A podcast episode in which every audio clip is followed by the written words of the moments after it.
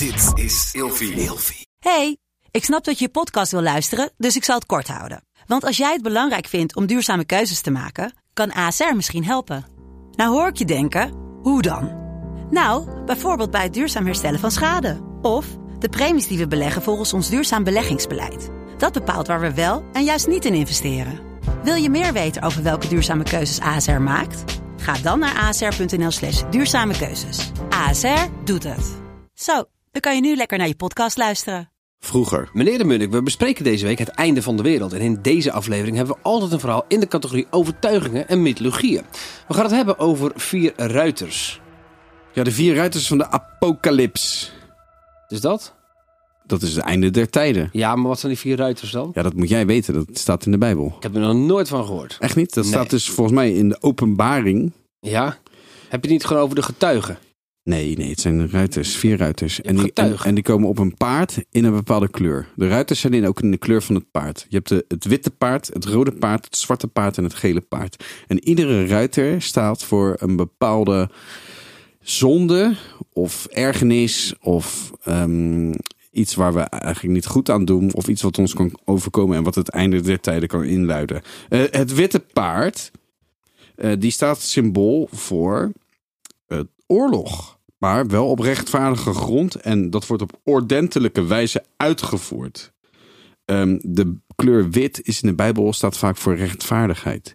Dus dat zou dus betekenen dat als de witte ruiter verschijnt, dat wij ja, ons moeten verantwoorden voor wat we eigenlijk allemaal hebben gedaan. Maar waar hebben we het nu over? Is het nou weer Dit, een, dit is of een bijbels, bijbelse overtuiging. Maar wat houdt het in dan, de vier ruit- ruiters van de Nou, apocalypse? Die, die laten zich zien voordat het einde der tijden plaats gaat vinden. Dus als wij een rood persoon op een rood paard... Ja, dan moeten we ons zorgen maken. Dan Ja. zijn we fucked. ik heb ja. dat wel eens, dat gevoel. Ja, nou, ja, ik, zeker. Ja, als je maar je deurtjes groot genoeg openzet. Hè? Ehm, het rode paard. De ruiter van het vuurrode paard wordt ook als gezien als eh, oorlog of een massale slagpartijen. En er wordt ook afgebeeld met een zwaard in zijn hand. Ehm, het zwaard en de rode kleur staan dan voor de hoeveelheid bloed die wordt verspild. Wauw. Dus zwart, als, dus als we gekleurde paarden zien met mensen die exact dezelfde huidskleur hebben... dan ben je of helemaal ja, en ook qua drugs... kleding. Ook qua kleding. Ja. of het is echt een- gewoon klaar. Je hebt gewoon een rood leren pakje aan, denk ik, op je paard. Ik denk dat het best leuk eruit ziet. Zo'n, zo noemen ze dat? Latexpak. BDSM. Ja, dat. Met zo'n, ja. Kan je niet praten. Dus dat. Het zwarte paard. Het zwarte paard. Het zwarte paard Oh, we gingen door. heeft een, een weegschaal in zijn hand. Een paard heeft een weegschaal ja, in zijn ja. hand. Een en, paard heeft een hand. en hij heeft... ehm, eigenlijk is dus... Het, het, het is letterlijk een soort stuk hout... waar dus twee eh, schalen aan hangen. En dat heeft ook te maken met het feit... dat ehm, er waarschijnlijk... eh, dat de heer... dat, dat hij een, een, wetgever is... maar ook dat er mogelijk... een voedselschaarste kan zijn... omdat je met een weegschaal altijd voedsel afweegt.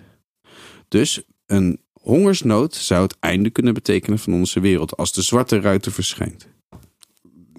Oké, wat Ja? ik weet, of zijn we al klaar? Heb je nog Nee, meer het gele paard. Oh, het gele paard. Oké, dan ga ik nog wat vertellen en dan... Ja, het, het gele paard ehm, kan mogelijk eh, de pest aanduiden, omdat je groen en geel ziet. En de magere hein wordt ook wel eens in die kleur afgebeeld. En ehm, een lijk kan ook heel groen-gelig zien. En daarom kan dus geel eh, ja, de dood voorstellen. Ik vind het toch wel een vaag verhaal. Nou, nu wil ik jouw visie weten. Wat ik weet van de einde der tijd, je hebt de vier ruiters. Volgens mij zijn er twee of drie getuigen. Die mensen worden vermoord. De hele wereld zal het weten. En na een x aantal dagen zullen ze uit de dood herrijzen. En dat ziet iedereen over de hele wereld. Dit is 2000 jaar geleden beschreven. En hoe konden ze 2000 jaar geleden bedenken dat het tegenwoordig mogelijk zou zijn dat iedereen over de hele wereld een gebeurtenis kan zien? We hebben televisie, we Ja. hebben internet. Ja, Ik vind het een mooie. ja dus als dat gebeurt, Collectief bewustzijn kan het ook zijn, hè? als dit gebeurt, dus als mensen doodgaan en die gaan dan ineens zijn ze weer levend, dan is voor mij wel het idee, misschien is het klaar. Vroeger.